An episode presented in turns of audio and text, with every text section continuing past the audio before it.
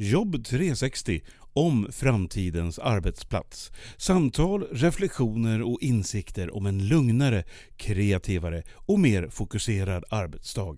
Inbjudna gäster tillsammans med Pia Andreasson från Direxio.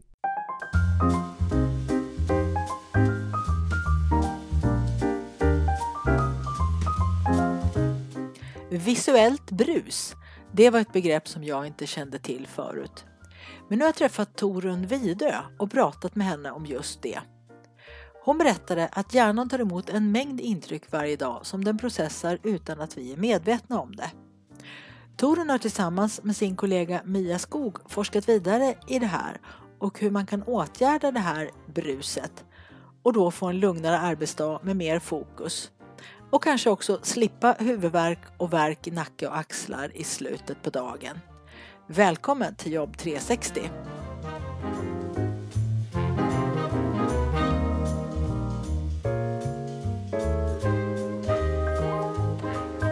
Då säger jag välkommen till podden Torun Vidö ifrån Ambicare. Tack så mycket. Du är här idag för att vi ska prata om någonting som inte är så känt för många människor och det är ju det här med hur mycket man störs av synintryck. Eh, du och din kollega Mia Skog, ni har kommit något på spåren och kallar det här för visuell brusreducering. Men vi, vi kommer dit. Jag tänkte först Torun be dig berätta lite grann om visuellt brus och synintryck och så. Hur kommer det sig tror du att människor inte riktigt förstår hur mycket det stör? Det är ju så att vi är ganska så känsliga för ljudintryck. Och när det kommer ljudintryck som vi tycker är oönskade så uppmärksammar vi det och gör någonting åt det. Men eh, visuella intryck, de stör eh, minst lika mycket. 60 till 80 procent av alla intryck som hjärnan bearbetar kommer via synen. Men de kompenserar vi för på ett helt annat sätt. Att, att liksom när det kommer folk från sidan eller att vi har bländande ljus eller flimmer eller så, då, då, brukar vi kompensera för det med kroppen så att axlarna åker upp eller vi spänner oss i ryggen. Du menar alltså att hjärnan är bättre på att fatta när det kommer störande ljud? Alltså vi stoppar i öronproppar eller håller fingrarna i öronen eller något i den stilen eller hörselkåpor eller man kanske sätter på musik på jobbet istället. Det finns ju sådana här hörlurar också som skickar ut något brus som gör att man är bara att det upplevs som tyst. Så där är vi ganska medvetna. Men sen de här synintrycken, det berättar inte vår hjärna för oss lika mycket hur, den, hur de stör utan där som du säger, man gör saker med kroppen. Dra upp axlarna låter ju inte alls bra. Nej, då får man ju spänningar i axlarna och ont i nacke och axlar. Men och, och, det är ju vår stenåldershjärna som reagerar där på hot till exempel. Och är vi mera stressade än vanligt, det finns en slags filter i hjärnan där vi liksom kan välja vårt fokus. Men det här filtret gör så att ovidkommande intryck som vi inte behöver för, för stunden, de filtreras bort helt enkelt. Men hjärnan uppfattar det här hela tiden ändå. Så när, när vi är stressade menar du så funkar det här filtret sämre? Släpper igenom mera saker som hjärnan måste ta hand om? Precis, för när vi är stressade så fungerar vår stenåldershjärna så att den tror att det finns hot i närheten och då kommer den att filtrera in de här intrycken igen. Liksom. Så när, vi, mm. när vi blir stressade då går hjärnan tillbaka till någon slags basic-läge då och använder sina mest primitiva och gamla funktioner för att hantera verkligheten. Ja precis, det kallas för hypervigilance eller hypervaksamhet. Mm. Det var mm. ett nytt ord, hypervaksamhet. Ja. Det kan man ju förstå att det blir tröttsamt om det är på hela tiden. För det var väl inte gjort för att vara på hela tiden. Det skulle väl bara liksom kopplas på när det fanns behov antar jag. Ja men precis, när vi tror att det finns ett, ett lejon i busken då är det ju väldigt eh, viktigt att vi upptäcker det. Men på kontoret till exempel så finns det väldigt få lejon eh, runt hörnet. Men, men där kan vi också bli, känna oss hotade av till exempel tajta deadlines där vi känner att vi inte kan nå dem. Eller om vi har en hotfull situation där till exempel vi har en chef som vi inte tycker om eller som en mobbningssituation till exempel. Där kan vi också gå upp i det här läget. Ja, eller det kan ju räcka med en sån här pratkvarn på jobbet som jag som kommer bakifrån och helt plötsligt bara säger Hej Torun, vet du vad som hände mig i helgen? Du bara nej, nu kommer hon igen. Nu kommer det ta tio minuter minst innan hon har berättat om sin helg. Och sen tycker hon att jag ska berätta om min och det känner jag inte alls för. Bara det kan ju att det blir lite jobbigt, eller hur? Ja, men precis. Och det handlar ju om den psykosociala arbetsmiljön där man kanske kommer in extra tidigt till jobbet eh, för att man vill eh, fokusera och sen så när klockan blir så här halv nio, nio när alla börjar droppa in till kontoret, eh, då blir man ju störd hela tiden och, och den som kommer in vet inte, men ska jag hälsa eller inte? Och den som sitter och vill fokusera vill inte vara otrevlig mot sina kollegor. Då känner man sig tvungen att hälsa och lyssna på den här helgen eller vad det nu kan vara. Ja, för det är ju en annan sån här funktion i hjärnan att det gäller att hålla sig väl med flocken. Man klarar sig inte själv så att de här människorna jag har runt omkring mig måste liksom tycka att jag är skapligt okej. Okay. Mm. Eh, det är en annan sån här drivkraft vi har. Mm. Men det är en ganska intressant historia tycker jag. Hur, hur du, du har berättat för mig förut hur du kom det här på spåren. Att det här med synintrycket är, är så starkt för hjärnan. Hur kommer det sig?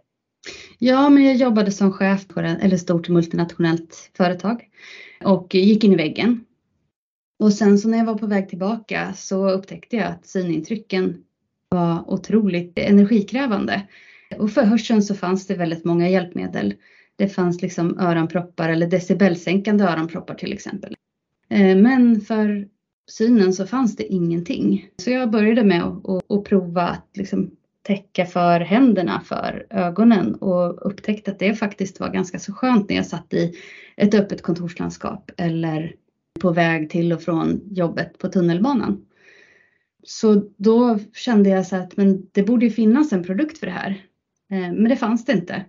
Då tänkte jag att det här måste ju vara en enorm liksom, lucka i, eh, i marknaden och eh, dessutom så pratade jag med Danderyds sjukhus eh, och frågade en expertpanel där om vad, vad de använde för sina patienter som var intryckskänsliga. Och det visade sig att de rekommenderar keps, eh, luva, eh, solglasögon till sina intryckskänsliga patienter. Så att de sa ju det är klockrent mycket enklare hjälpmedel. Och som liksom karriärkvinna ville ju inte jag liksom sitta med keps och luva och, och, och solglasögon på kontoret. Så det, alltså det, det som fanns när man hade sådana patienter, det var som du sa, de, de, det fanns ju, man kunde ta på sig en keps och sätta på sig solglasögon. Fick man nästan samma effekt som den här produkten nu som ni har tagit fram på Ambicare som vi också ska prata lite om en stund. Men, men det, de sa alltså så här att det fanns i princip ingenting. Precis. Eh, man får en liknande effekt men ändå inte lika effektiv för att när man sätter på sig de här glasögonen så blir det som ett tunnelseende att du fokuserar framåt på din skärm på det du vill fokusera på och sen så blir det som en fysisk avlastning för hjärnan att de här synintrycken från sidan och uppifrån de behöver inte hjärnan tänka på.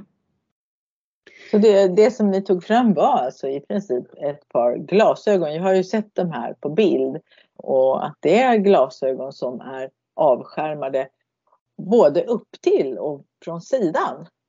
Ja, för att är man intryckskänslig så blir man ofta ljuskänslig också. Och eh, det tar bort det bländande ljuset uppifrån och eh, idag är det också ganska vanligt med flimrande lampor nu när de flesta har bytt till LED-lampor. Så har man dålig kvalitet på LED-lamporna så kan drivdonet i LED-lamporna göra så att det flimrar. Det här kan vara dål, jättedåligt för det centrala nervsystemet. Eh, man uppfattar inte det med ögat. Istället så får man kanske huvudvärk eller migrän eller så. Det kan jag tänka mig att om jag går mm. hem från jobbet en dag och har huvudvärk så tänker inte jag den första tanken att ah, jag har ont i huvudet. Det är nog drivdonet i LED-belysningen ovanför mitt huvud som är lite dålig. Det, det kanske inte var och en tänker på. Nej, verkligen inte. Nej, men och sen har vi ju två effekter till. Den ena har vi redan pratat om att har man glasögonen på så signalerar man till sina kollegor att ja, men, eh, just nu så sitter jag i fokusläge och eh, vill inte bli störd. Då eh, kanske de inte börjar prata om helgen, men de kan ändå komma fram och fråga om det är någon viktig fråga. Så. Den tredje effekten är att man faktiskt psykologiskt promptar sig själv att okej, okay, nu ska inte jag hålla på med min mobiltelefon, nu ska jag prompta fokusläge. Just nu så vill jag fokusera och koncentrera mig på den uppgiften jag har framför mig. Så det är alltså tre effekter på den här. Först har vi ju det rent fysiska då att de här synintrycken minskar. Och sen har vi den här effekten på kollegorna att de har en chans faktiskt att se att nu, nu sitter Pia eller Torun här och fokuserar på någonting.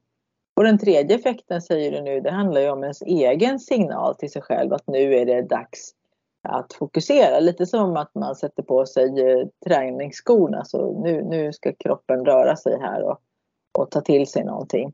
Så blir ja, det en här fysisk signal för en själv. Ja, men eh, jag vet inte om du har hört talas om pomodoro-metoden där man sätter på eh, liksom en klocka. Man ska fokusera i 25 minuter och sen så när klockan ringer då ska man ha hjärnvila i 5 minuter eh, och sen så fokuserar man igen 25 minuter. Den brukar fungera väldigt bra för ja. de flesta för att psykologiskt sätta in sig i att okej, okay, nu gör jag inget annat än den här uppgiften. Det blir lite samma effekt med den här. Ja, nej, jag brukar prata om den faktiskt i mina kurser. Och eh, de som har provat det säger att det, man blir ju överraskad själv hur bra den är. Mm. Eh, men då måste man verkligen betona när du säger hjärnvila att då handlar det verkligen om att bara ställa sig och glo ut genom fönstret brukar jag säga. Mm. I tre, fyra minuter. Det är det man ska göra och absolut inte göra någonting. Och kanske om du flyger förbi någon fågel eller något i den stilen så kan man ju notera det. Men glas vatten eller något i den stilen. Och sen när man sätter sig och jobbar igen så har man ju väldigt mycket fräschare hjärna helt enkelt. Det är som att ladda om batterierna var det någon som sa. Ja, nej men och, och liksom från början då så tog jag ju fram det här för att det skulle vara ett hjälpmedel eh, om man hade någon form av intryckskänslighet, utmattning, ADHD, autism eller, eller något annat. Eh, liksom, ja men det finns ju efter en stroke eller efter en bröstcancerbehandling, eller ja, cancerbehandling generellt också post-covid har ju seglat upp en diagnos som liksom ger intryckskänslighet. Sen så när jag träffade min eh, kollega Mia då och medgrundare så sa ju hon att det här är ju en klockren produkt som ett förebyggande verktyg där man kan fokusera bättre. När hon hade jobbat med hälsofrämjande och förebyggande insatser på arbetsplatser att den här psykosociala biten ofta var ett problem när man jobbade i öppna kontorslandskap. Ja, det är ju ganska lätt att föreställa sig. Det är också väldigt många som vittnar om det, att de här öppna kontorslandskapen är väldigt, väldigt besvärliga. Men jag tror ju, det tror jag att Torun du också håller med om väldigt mycket, att man, det är väldigt svårt att förstå hur störande det är. För att som du säger, kroppen kämpar ju emot det här och försöker liksom lösa det här skydda mig ifrån alla de här intrycken. Och mm. att eh, man inte märker det, för det sker lika automatiskt som andning och matsmältning och sånt, att kroppen gör det här.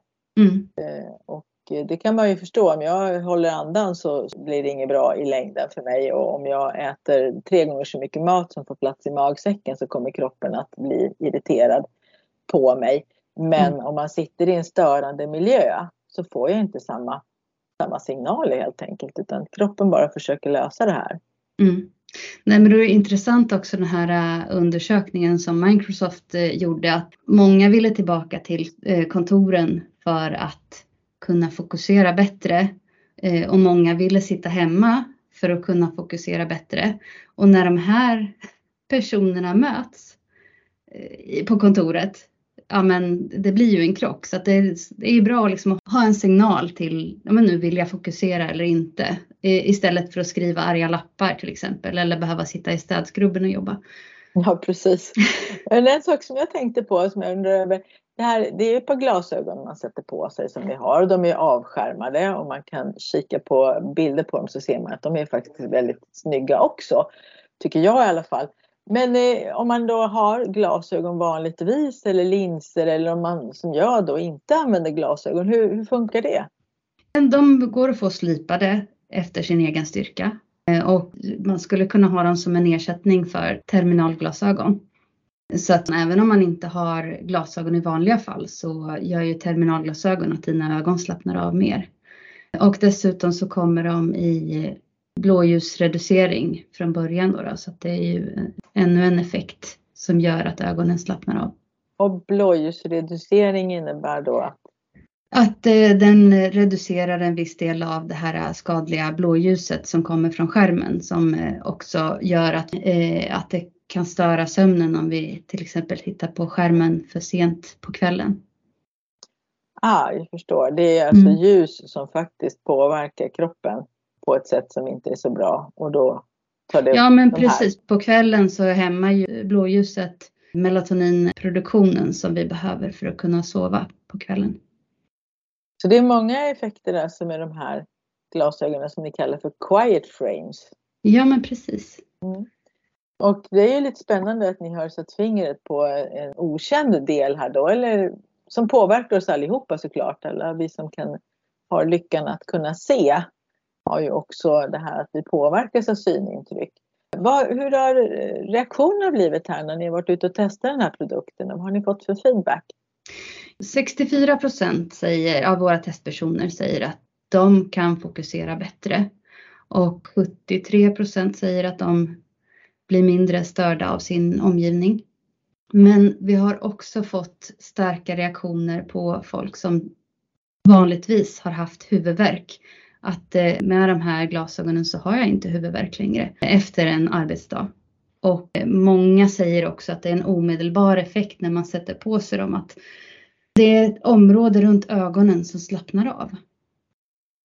Det måste ju vara som så här nästan som en kopp kaffe för glasögonen. Det är känslan när man tar upp en kopp kaffe liksom färskbryggt och så går man och sätter sig någonstans och bara ah, så första klunkarna liksom. Det måste ju vara samma sak fast för ögonen då när man sätter på sig de här. Ja, men precis. Ett roligt citat som vi har från en testanvändare är att det är som att stänga dörren i ett kontorslandskap. Ah. Det är ganska talande. Det låter intressant. Mm. Men sen har ni också kommit på några nya användare då som du sa personer som har känsliga för synintryck av andra orsaker än att man jobbar på ett kontor som till exempel om man har någon ADHD eller Asperger eller så har svårt att fokusera. Mm. Eh, så att, eh, har ni några tankar framåt där? Ja, vi jobbar ju för att glasögonen ska bli förskrivningsbara för personer med intryckskänslighet. Och vår senaste testanvändare hade varit med om en olycka och eh, fått en kraftig hjärnskakning. Och då får man ju ta det här i olika steg med intryck, Eh, synintryck och hörselintryck. Så att eh, från början så måste man ha lappar för ögonen och sen så ska man ha solglasögon och lite så. Men hon tyckte att det var besvärligt för hon kunde inte titta på TV med sin familj för det blev för mycket intryck. Då kunde hon sänka ljudet på tvn och eh, sätta på sig glasögon och så kunde hon liksom ha den här gemensamma stunden med sin familj. Det låter ju fantastiskt. Det är ju bara att gratulera till mm. dig Torun och Mia att ni kom på den här tanken. Att synintrycken då är väldigt starka för kroppen. Det var ju inget nytt för vetenskapspersonerna men ni såg ju då att här finns det ett behov ute i verkligheten. Vi hoppas ju att eh, alla arbetsgivare liksom tar vara på det här och eh, ser det här som ett arbetsverktyg, liksom ergonomiska tangentbord eller höj och sänkbara skrivbord, att det faktiskt är ett ergonomiskt hjälpmedel. Så att man skulle kunna ha några stycken sådana här på kontoret och sen får folk prova dem helt enkelt. Mm.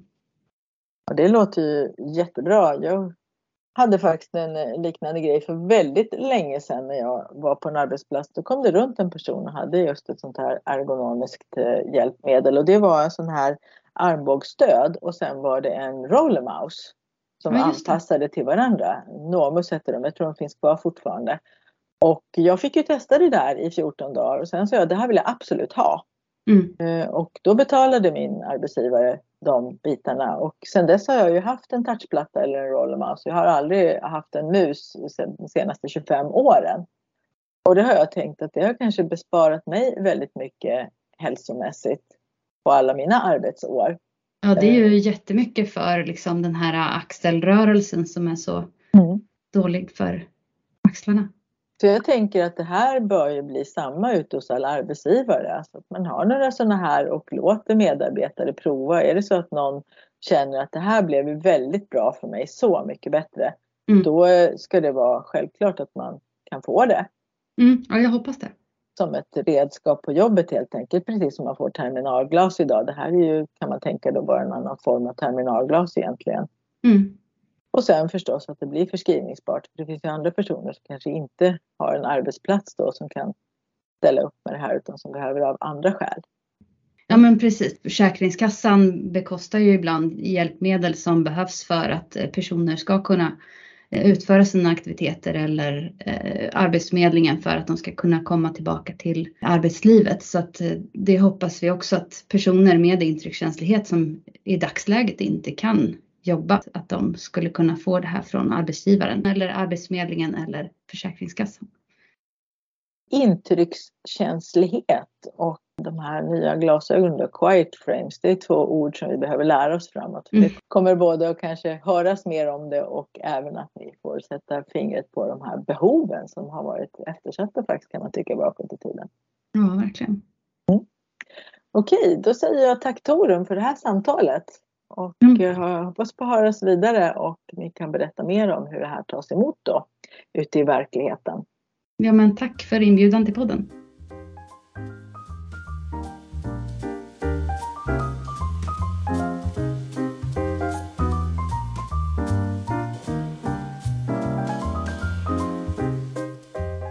Med att hjärnan tar emot så mycket intryck från synen och processar det varje dag, det hade jag faktiskt ingen aning om sen innan. Och det är jättebra att Torun och hennes kollega Mia har kommit här på spåren och tagit fram den här produkten som jag tror kan hjälpa många att avgränsa det här visuella bruset. Både på kontoret men kanske även hemma. Så om du tycker att det här låter spännande, ta kontakt med Torun och Mia på Ambicare och be att få prova ett par sådana här quiet frames och se vad de kan göra för att du ska få en lugnare arbetsdag. Tack för att du lyssnar på Jobb 360.